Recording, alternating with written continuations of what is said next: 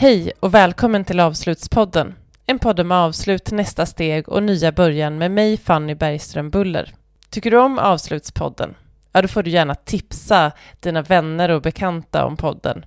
För att fler ska bli uppmärksam på hur viktigt det är att vi pratar om avsluten som sker i vårt liv. I detta samtal kommer du att få möta Maria Helander, beteendevetare, författare och poddare. Och hon kommer prata om hur vi påverkas fysiskt och psykiskt när vi går igenom ett avslut. Vad händer egentligen med oss kroppsligen? Och hur kan vi göra när kroppen och hjärnan är trötta för att komma tillbaka? Varmt välkommen in i samtalet.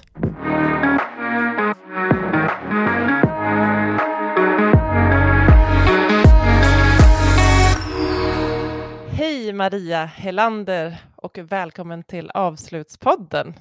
Hej, tack så mycket för att jag får vara med. Maria, du är beteendevetare och författare mm. eh, och även poddare. Du är med. Du har två podcast, en som heter Självsnällspodden mm. och en som heter Stresspodden. Mm. Stämmer. Precis, och jag, du, har jätte, du är ju inbjuden för att prata om avslut utifrån eh, det här liksom väldigt, eh, vad ska man säga, kroppsliga och mentala perspektivet. Liksom, vad händer i oss eh, när vi avslutar saker? Mm. Men allra först så är jag ju jättenyfiken på, på dig och eh, om du kan berätta lite mer om vem du är och de här poddarna som du har också, vad, liksom, vad är anledningen till att du har just de poddarna och så vidare?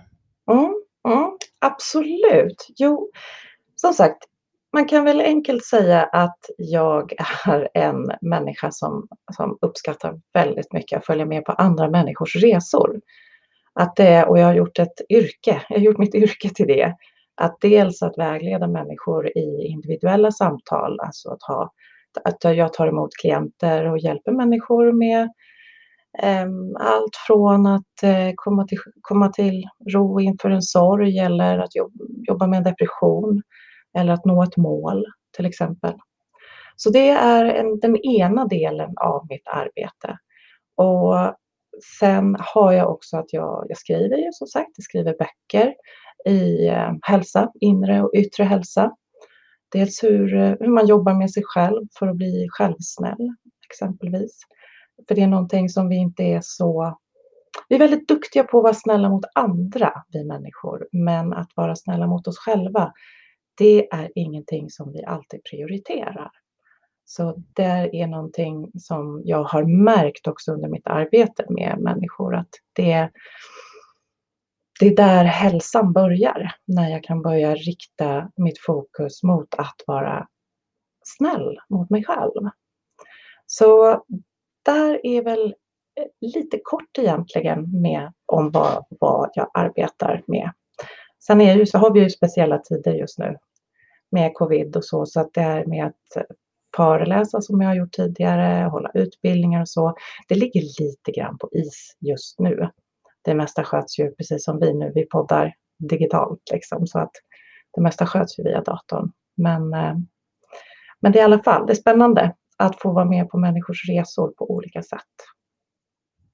Just det, och just nu så förstod jag att du sitter i en stuga någonstans. ja. Du har tagit dig från stan. Mm. Mm. Precis, det stämmer. Jag sitter vid, precis vid, vid Dalälven eh, i en liten stuga som eh, min familj har på landet. Ja, vad härligt. Och jag ser ett jättefint så här, dal, dalmålat, säger man så, skåp i bakgrunden. Ja, eller hur? Ja, och om jag riktar kameran lite grann också så ser du att jag har Dalälven precis här utanför fönstret. Men jag tänker det här med, jag tänker just det här du nämner med att vara självsnäll, om vi liksom kommer in i samtalet från det hållet. Eh, det känns som någonting som man på något sätt, den frågan tar man i om man själv har upplevt behovet av det. Eh, kan du berätta lite grann om din resa? Hur kom du att bli intresserad av vikten av att vara självsnäll och att liksom stötta andra i sina utvecklingsprocesser? Mm. Jag tror nog kanske att den, den resan att börja någonstans med, eh, tror jag började ju egentligen med att jag var så, den här att hjälpa andra var så otroligt viktigt. Eh, och det är ju en del i mitt arbete också, att följa med en annan människa på en resa, en inre resa, eh, handlar ju alltid om att du, du har fullt fokus på den personen som du, som du vill hjälpa och som du vill stötta och vägleda på olika sätt. Eh, men till slut så kommer man till en punkt när man jobbar med andra människor där energin, orken, empatin, den tar slut. Och det var väl någonstans där jag började fundera på, men hur kommer det här sig? Ska jag inte kunna jobba med människor, det som, det som jag älskar att göra? Eh, ska, ska, det liksom, ska jag behöva ägna mig åt något, något helt annat fast det är det här jag brinner för? Och då kom jag ju väldigt mycket i kontakt med just eh, självmedkänsla eller self-compassion som man pratar om och compassion-fokuserad terapi där man alltid utgår ifrån att kunna se på sig själv som sin bästa vän. Och att du kan istället för, för att vi människor har ju en förmåga att när vi blir, när vi har det tufft, när vi känner oss utarmade eller trötta, så har vi en förmåga att bli taskiga mot oss själva. Att säga åt oss att ja, men kom igen nu, skärp dig nu, men hur svårt ska det vara? Ge dig iväg nu, ut, upp ur soffan och sätt igång och jobba, jobba hårdare. Men så skulle vi ju aldrig någonsin behandla en människa som, som vi älskar. Du skulle ju aldrig säga till din livskamrat eller till din bästa vän, skärp dig, när den personen är ledsen, eh, tyngd eller har sorg eller liknande. Men oss själva kan vi göra det. Och då upptäckte jag just det här redskapet hur befriande det var att kunna vända den värmen och empatin mot mig själv vad, vilken, vilken kraft, vilken energi, vilken styrka det ligger i det. Att istället för, eh, för att då bli hård mot mig själv, självkritisk, så började jag försöka se att, men okej Maria, jag märker att du har det tufft nu och det är okej. Vad kan jag göra för att stötta mig själv i det här läget? Och bara de, de orden kan vara, de är så varma och så omtänksamma och det, det gör att man känner mer kraft och orkar ta sig igenom sorger eller stunder när det är tufft. Därför att du vänder den värmen och empatin till dig själv. Så där var det jag. Jag upptäckte behovet av det mycket genom mig själv. Jag kan, jag, jag kan verkligen relatera, ska jag säga. Det, jag ska, det, det, det känns som någonting som um, om jag tittar på mig själv och mina egna beteenden i just de här tuffa situationerna så är det ju väldigt lätt, tycker jag, att um, man kan ju vara oerhört frustrerad på andra människor och känna att så här, det problemet eller situationen eh, styrs inte av mig nu, utan egentligen så, så borde jag kanske släppa, men att det är väldigt lätt att gå in och liksom stötta upp och ta över ansvar och vara den som bär. Eh, det är den typen av person jag är väldigt mycket, så att jag kan eh, väldigt mycket relatera till det här och just det här att jag, har liksom, jag är så pass gammal nu, eller har så mycket erfarenhet och upplevt saker, så att eh, jag kan se det hända. Jag kan vara medveten om att det händer och jag kan liksom helt skita i att ta ska man säga, det egna ansvaret för det här. Eh, medvetet ibland. För att det är liksom, och jag tänker, det, det känns lite som en, någonting man kanske måste, att både kanske ha någon att prata med ibland, men också att eh, det är en lång, kan vara en lång resa för många att faktiskt eh, eh hitta fokuset där man sätter sig själv först. Men jag tror att du, du, du, du beskriver det här precis det viktigaste steget. Och det, det är ju det du säger det här med att du, är, du har fått hittat en medvetenhet. Du märker när det händer, när du vänder de här orden mot dig själv eller när du blir taskig mot dig själv eller när du när du känner att det är tufft. Och det, jag tror att det är där vi alla behöver börja arbeta.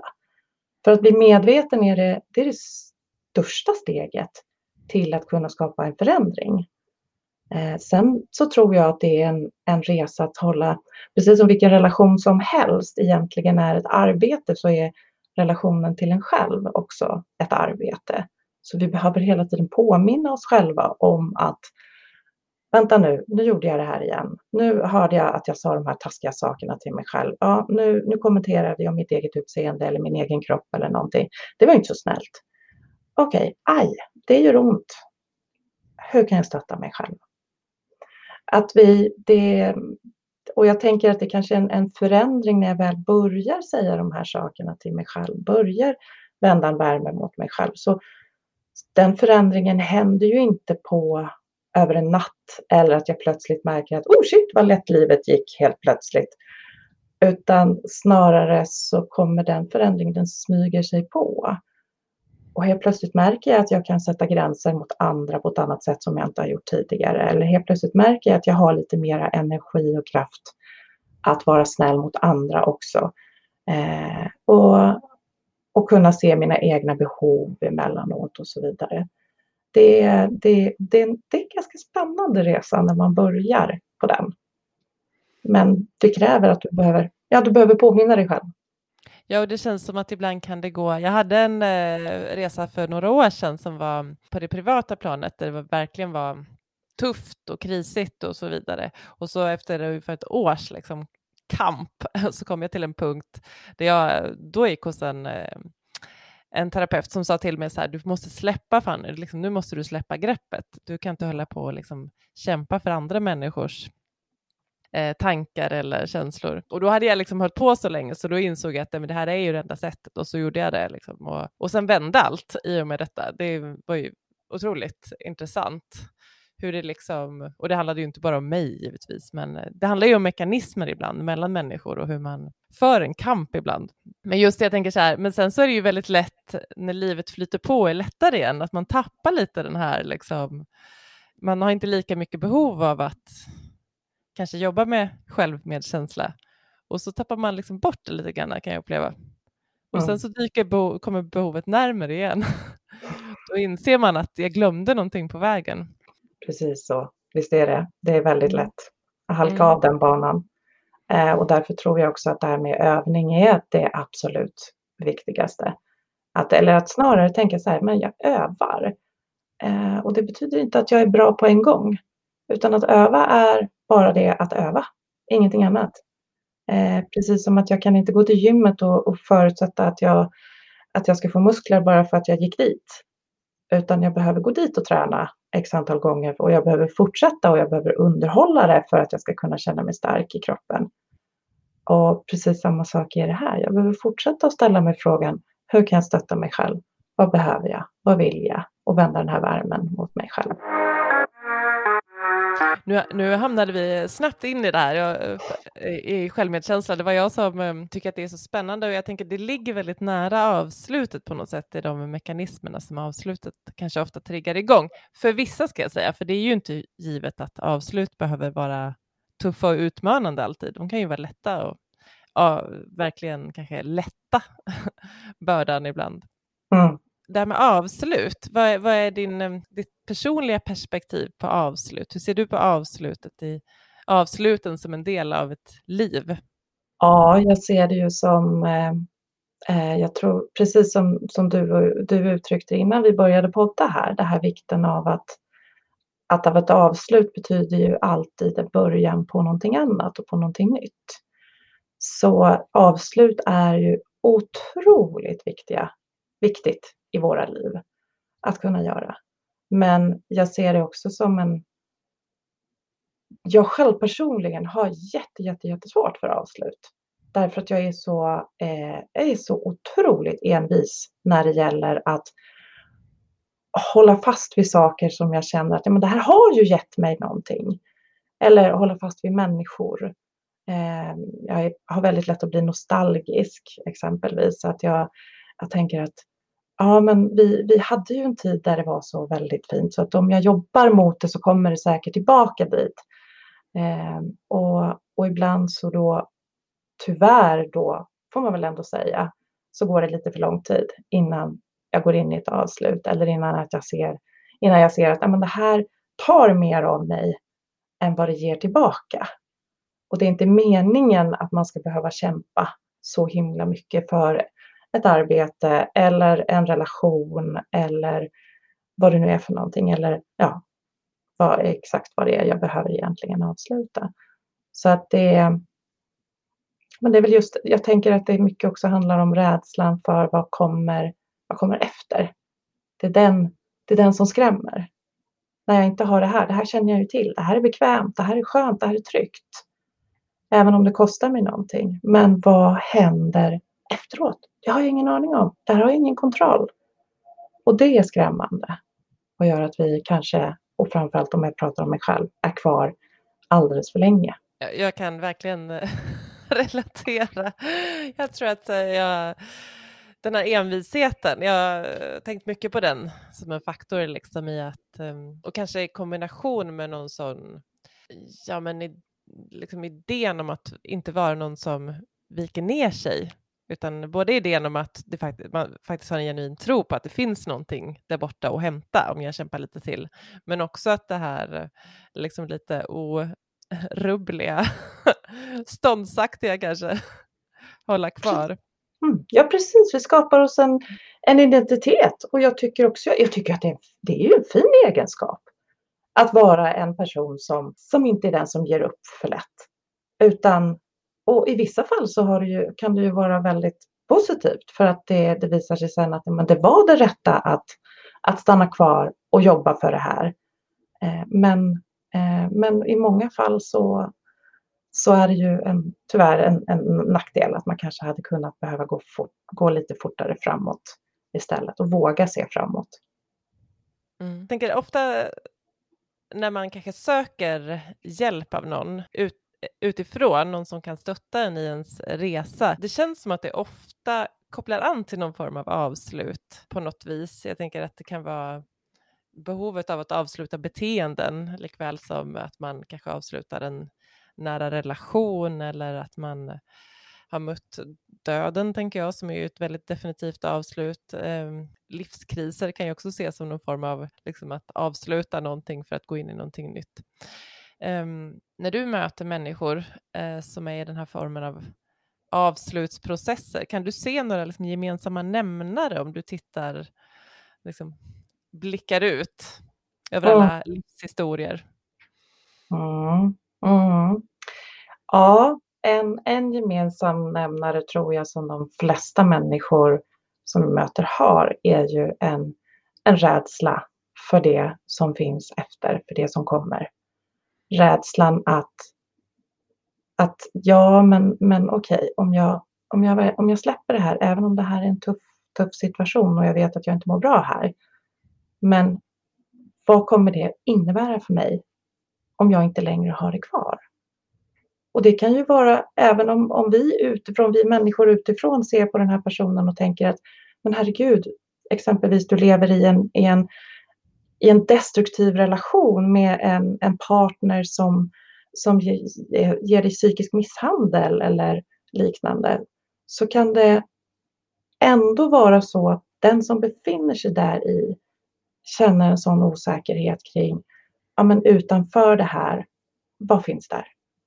Och det är läskigt. Det är skrämmande. För det här känner jag till där jag befinner mig, även om jag mår dåligt.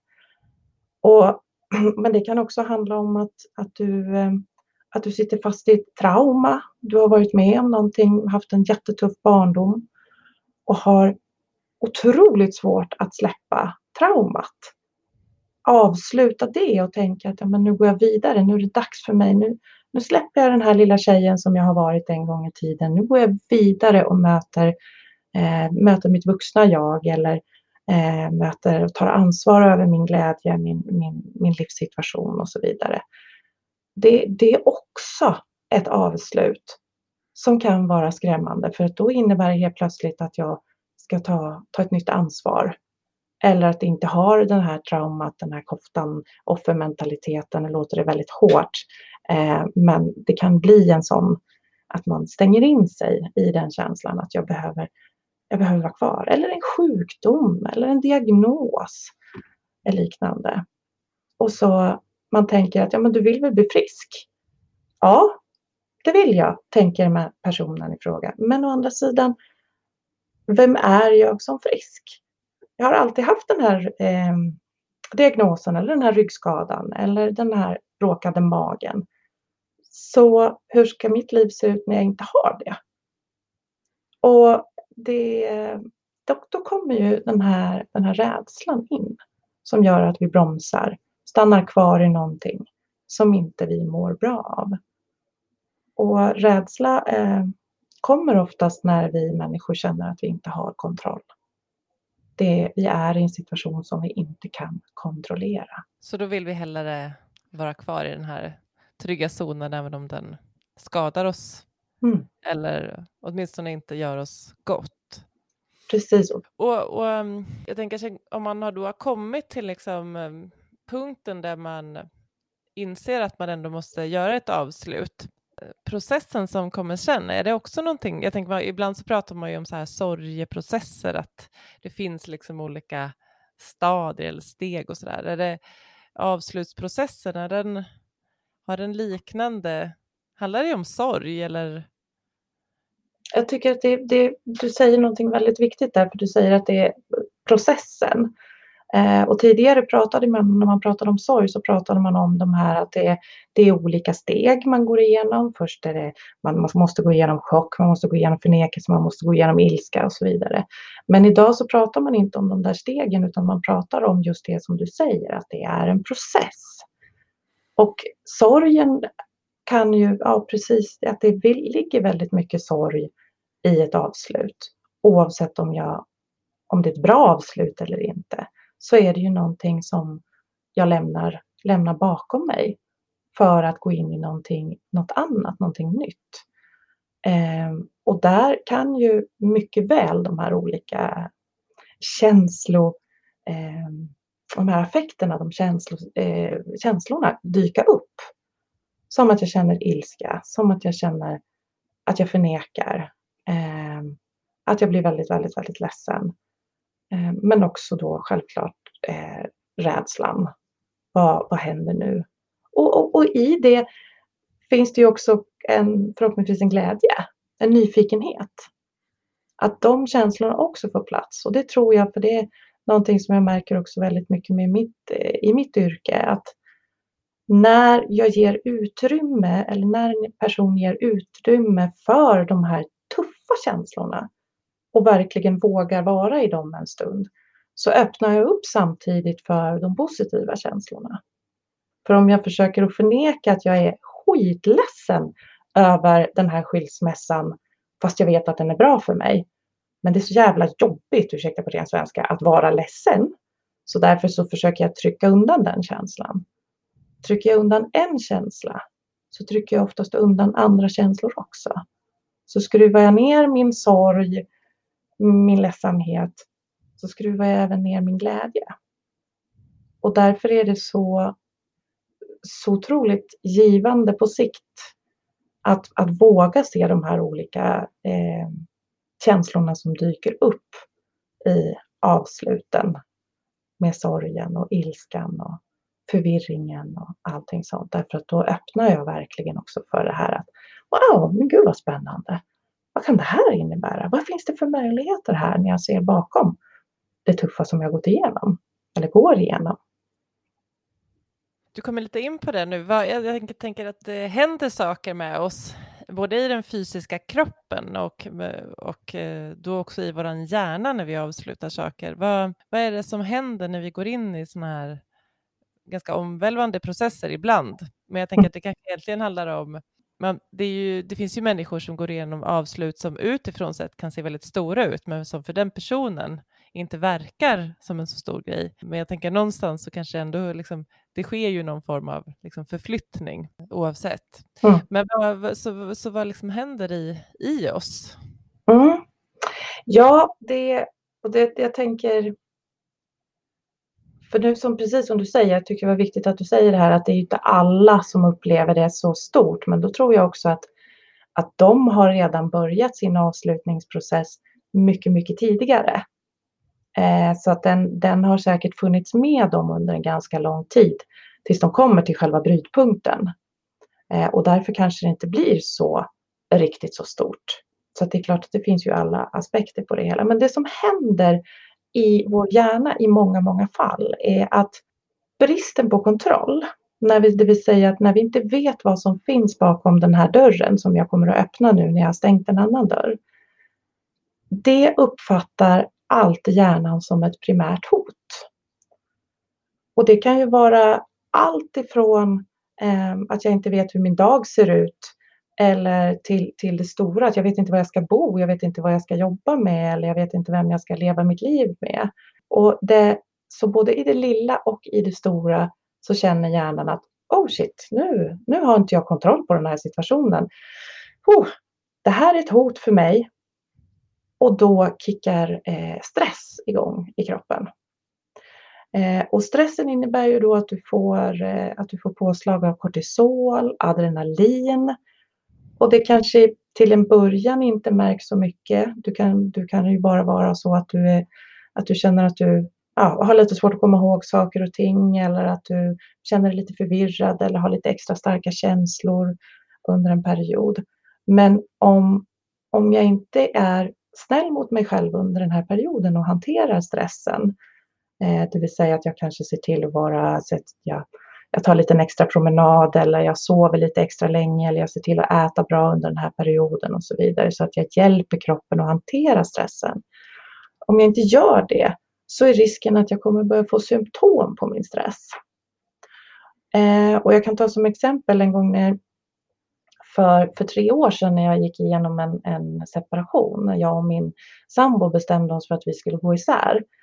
Och det, vi hade, haft, vi hade en lång relation bakom oss, så det var ju mycket praktiskt man skulle ordna med och vi båda kände någonstans att det här, det här kommer bli bra, det här är det bästa för oss båda två.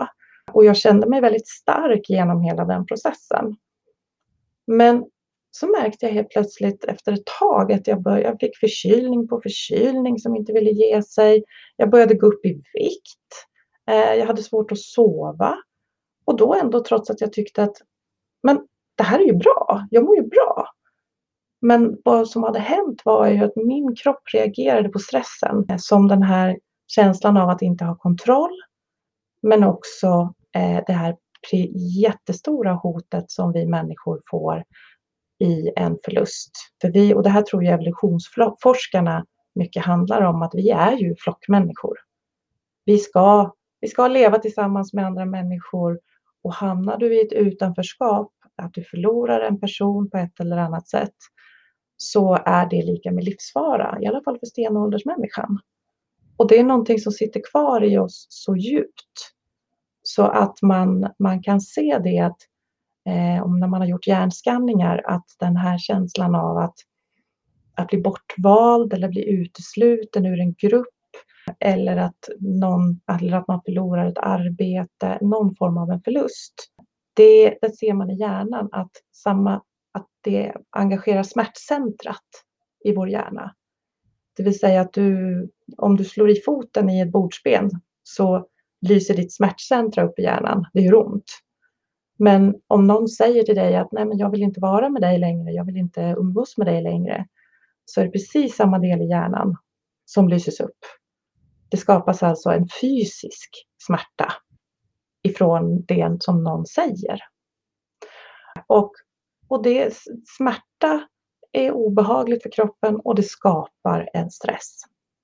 Jag har ju mött klienter som kommer till mig och är eh, beroende av värktabletter. Fast de inte har haft ont i kroppen utan de har gått igenom en skilsmässa. Så de har ont i själen. Men att ha en Alvedon när man har ont i själen, det, det kan också dämpa den smärtan, själsmärtan, på samma sätt som det kan dämpa en ryggsmärta. För att det är samma centrum i hjärnan. Så det är som sagt, det är väldigt många processer som, som kickar igång i oss när vi går igenom en förlust eller, en, eller ett avslut. Och det skapar en stress i kroppen och därför tror jag att det är så otroligt viktigt att vara medveten om så att vi är extra självsnälla under den här tiden.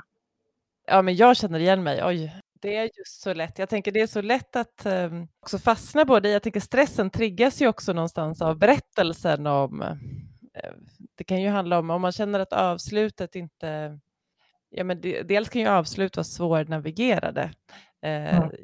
Jag tänker bara så här, eh, om jag tar ett konkret exempel från mitt liv som, som är lätt att prata om, som ju är anledning till den här podden, så handlar det om att jag avslutade ett företag.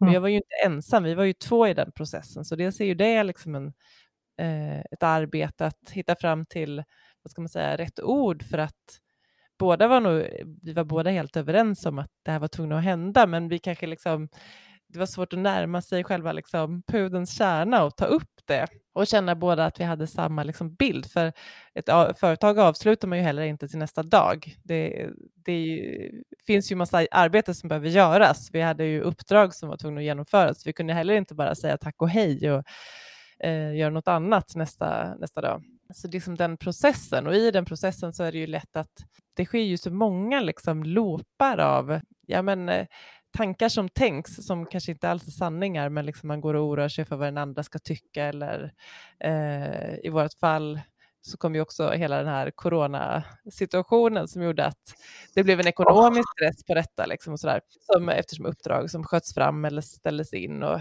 eh, och i det så är det lätt liksom eller jag ska ta, prata för mig själv verkligen, att jag tänker att man känner en stress och det är lätt att liksom trigga stressen också genom att återupprepa den här berättelsen om på något sätt en utsatthet som man upplever sig att vara i. Att liksom, det kan vara svårt att lugna sig själv och lugna sin kropp när man är väldigt högt uppe i liksom stressnivåer. Verkligen. Mm. Eh, och, och, det är ju också så, och jag kan eh, också liksom själv relaterat till det här, kroppen tar ju till slut liksom stryk när man har levt det där, även om man kanske inte har sett det så tydligt. Man kanske inte har upplevt sig så stressad, så precis som du säger när du gick igenom din separation, att man kanske liksom stora tider känner sig helt okej okay i, mm. i balans, som att man har lite kontroll. Men eh, kroppen börjar liksom visa sig och säga att det är inte okej, för det här har pågått lite för länge nu.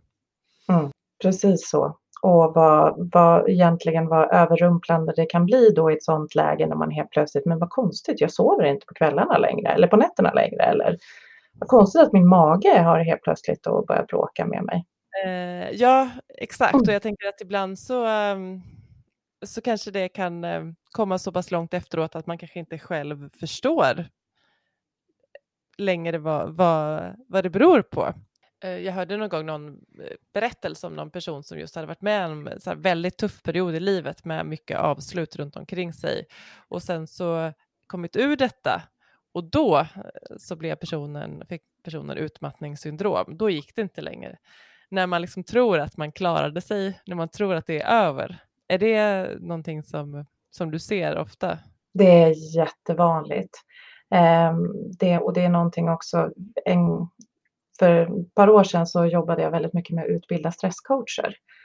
Eh, som, som personer då som arbetar med att hjälpa människor med stress eh, och att hantera stressen. Och där var ju ett, en viktig del som de här stresscoacherna fick med sig att alltid undersöka just hur har, om du tittar tillbaka ett halvår i ditt liv, har du varit med om något stort avslut eller en förlust av något slag?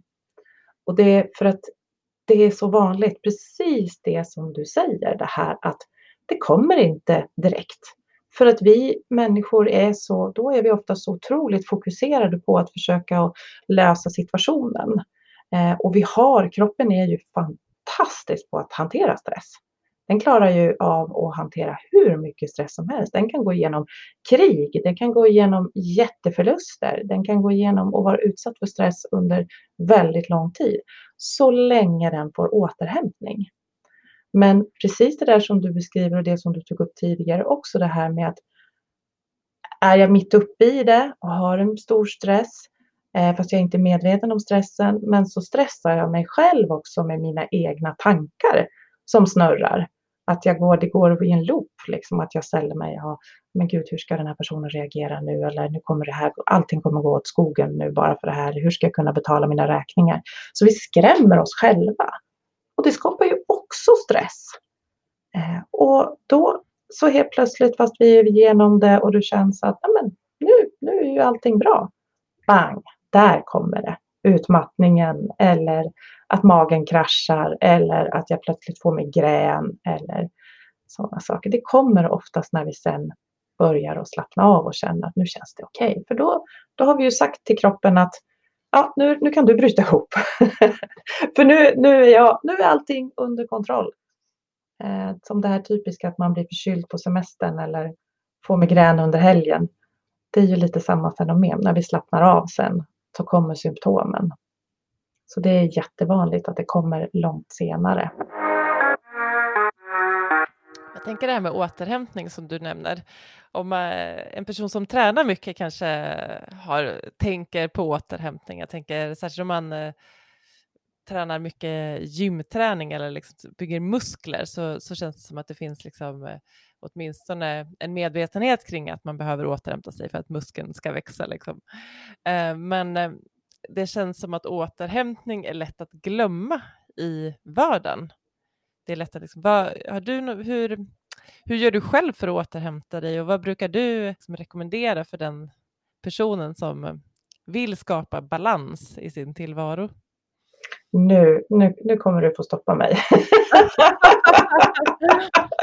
det, här är, det här är ett ämne som jag verkligen brinner för och som är så otroligt viktigt för oss. Eh, för att vi är, de flesta av oss är väldigt, väldigt, väldigt dåliga att se vårt behov av återhämtning. För att vi lever i en sån kultur och i en sån värld som hela tiden engagerar vår hjärna på ett eller annat sätt. Och vår hjärna är inte uppdaterad sedan stenåldern. Så den är inte van vid, eller vad ska man säga, den är inte gjord för att kunna hantera den här mängden med information som vi ständigt, ständigt, ständigt, ständigt får.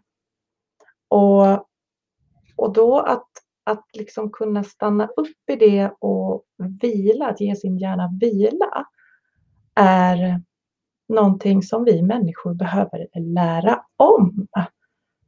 Jag tycker att det är... Eh, och för att för att om vi inte lär om, om vi inte tar de här kortare, kortare stunderna av återhämtning, för det behöver inte handla om att jag ligger på soffan en hel helg och vilar, utan det handlar om de här små vardagsminuterna som jag tar mig en paus, lägger undan skärmen, eh, datorn, alltså telefonen, tvn och bara exempelvis andas.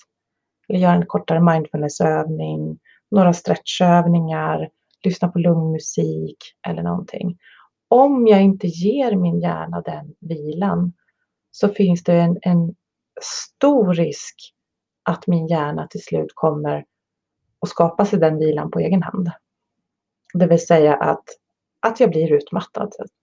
Så att hjärnan inte längre klarar av att hantera den här stora informationen eller hela tiden som, min, som den bombarderas med. Och det är oavsett egentligen om du befinner dig i avslut eller om du befinner dig bara mitt i ekorrhjulet som vardagen är. Så är den så livsviktig, hjärnvilan, för vårt eh, mående. Eh, men men det, det är svårt för oss idag, för vi har ett sånt högt tempo. Och vi är så vana vid att hela tiden bli matad med information. Så att när vi försöker att stänga av skärmen och bara vila och koppla av, usch, då blir vi rastlösa. Eller irriterade.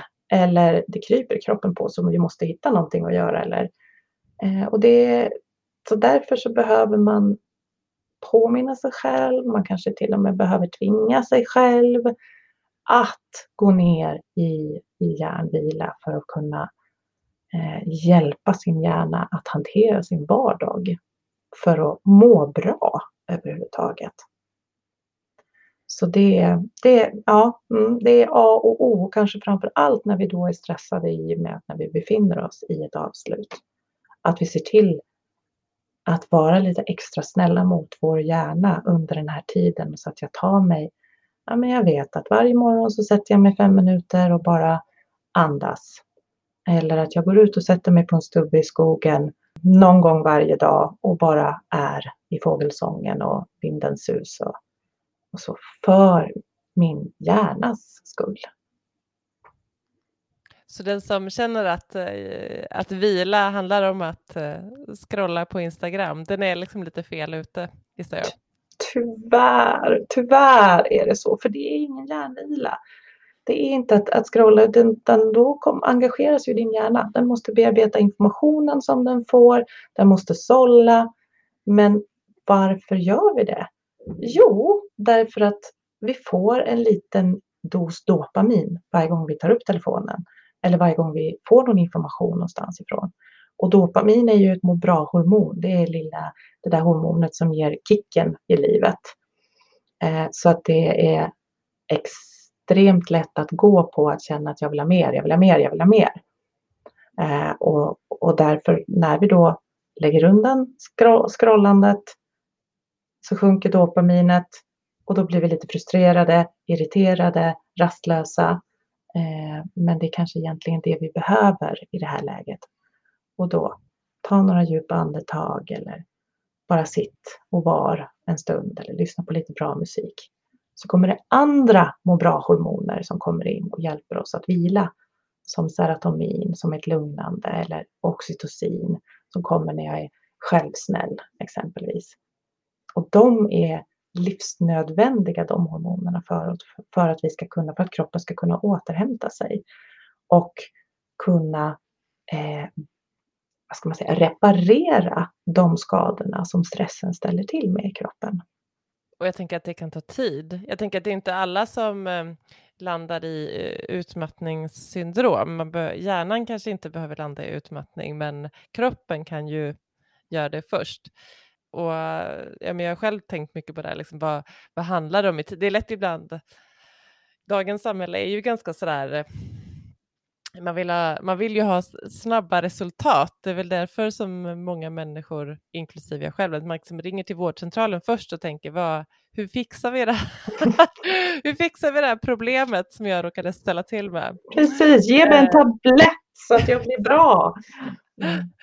Men att det kan ta väldigt lång tid, tänker jag. Att liksom låta kroppen på något sätt eh, reparera sig eller återhämta sig så att den funkar igen så som man vill att den ska göra. Exempelvis om vad det nu är, liksom huvudvärk eller magproblem eller vad det nu kan vara som har uppstått ur detta. Mm, just det. Och det men det, då, det, det kan ta lång tid beroende mm. på hur lång tid det har gått och hur länge du inte har lyssnat på din kropp. Mm. För att jag tänker att alla de här signalerna som kroppen skickar ut, att du inte kan sova eller att du får ont i magen eller ont i huvudet, det är ju kroppen som säger Hej, stopp, lyssna på mig nu. Men precis som du säger, då när vi får ont i huvudet, ja men då tar vi en, en, en tablett istället för att vi kanske egentligen skulle behöva vila. Eller prata med någon. Eller lyssna på vad kroppen säger. Eller ta en promenad. Men det går fortare om jag tar en tablett. Och det är lite grann som, jag har en kollega som beskriver det så himla bra tycker jag. Hon säger det är ju som att du hör att brandlarmet går men istället för att släcka branden så plockar du ut batteriet ur brandlarmen. Det är lite samma sak. Att då istället att, oh, vänta nu, den här huvudvärken betyder faktiskt någonting. Nu försöker min kropp kommunicera med mig. Hur kan jag stötta mig själv? Hur kan jag hjälpa min kropp? Eh, så att det, men och lång tid, börjar jag lyssna där på de signalerna så behöver det ju inte ta lång tid.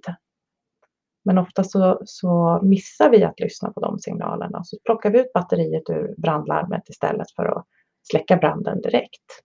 Och så jag tänker, om du möter någon person som står liksom mitt i ett avslut av något slag, men som eh, kan tänkas vara omvälvande för den här personen. Om du skulle bara ge ett liksom, råd eh, utan att veta mer, vad, vad, skulle du säga då? Vad är kanske det viktigaste att tänka på först? Det viktigaste att tänka på först är att vara snäll mot kroppen. Det skulle jag säga. Därför att jag tror att har du, får du, är du snäll mot kroppen så har du, får du också kraften att ta hand om det som pågår inom dig.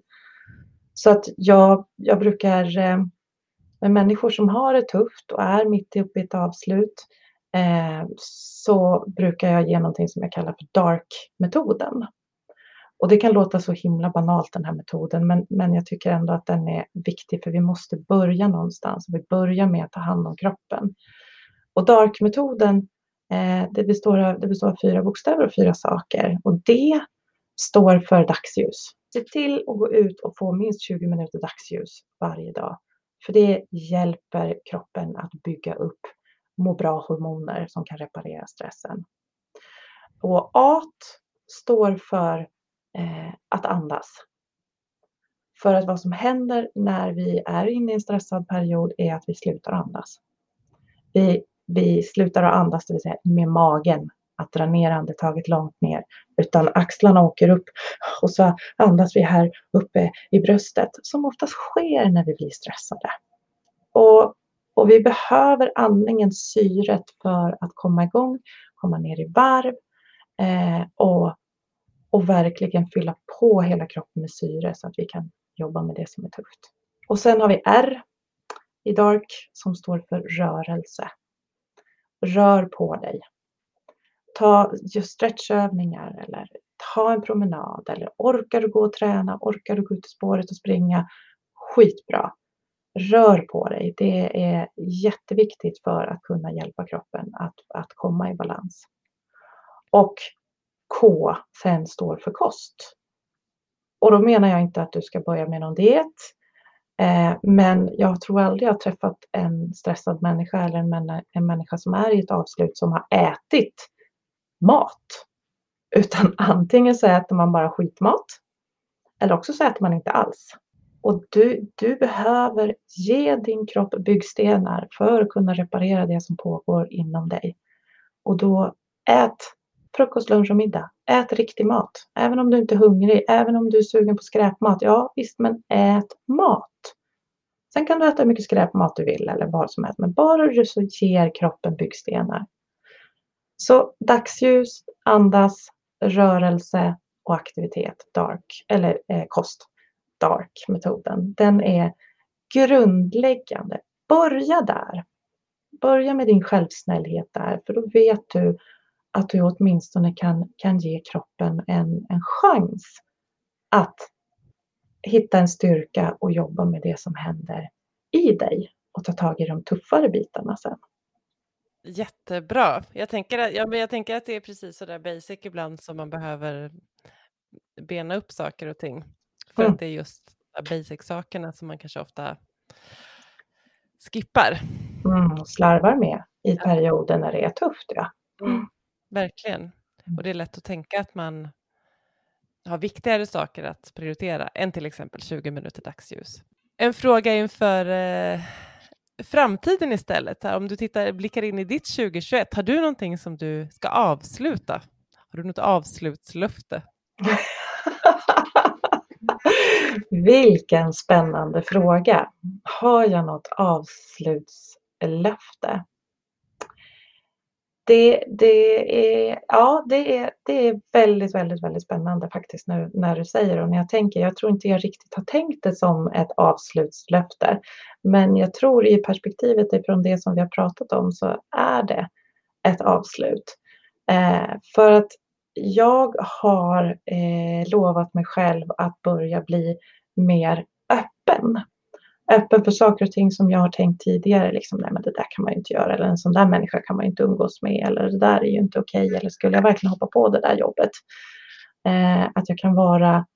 Eh, att jag upplever att jag har en del trångsynta eh, åsikter och, och, om saker och ting. Och det egentligen bottnar ju bara i en form av rädsla.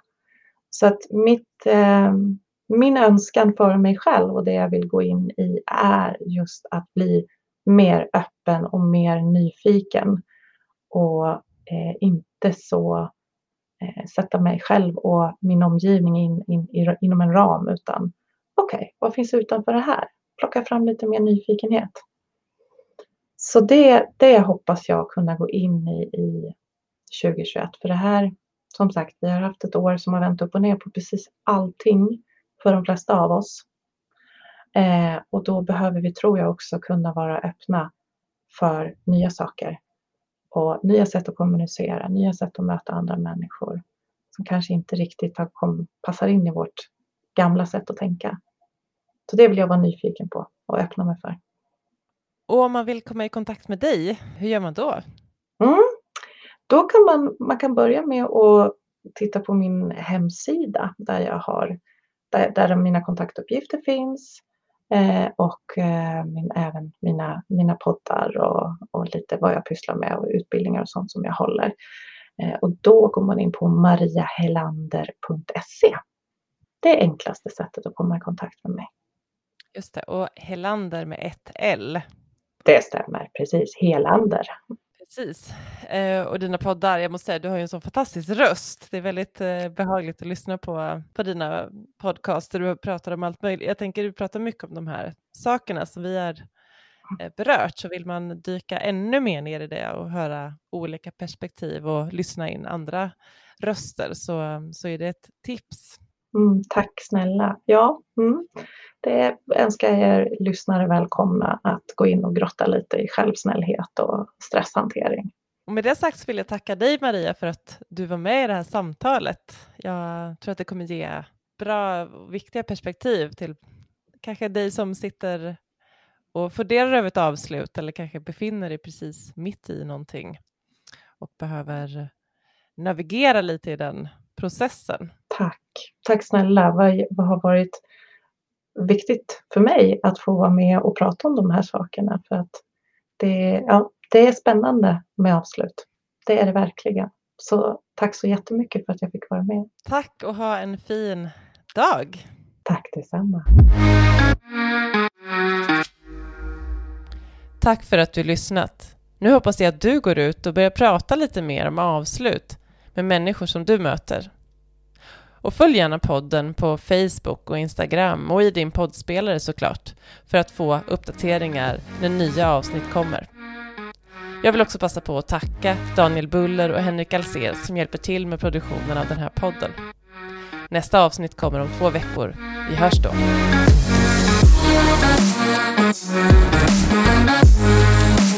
Thank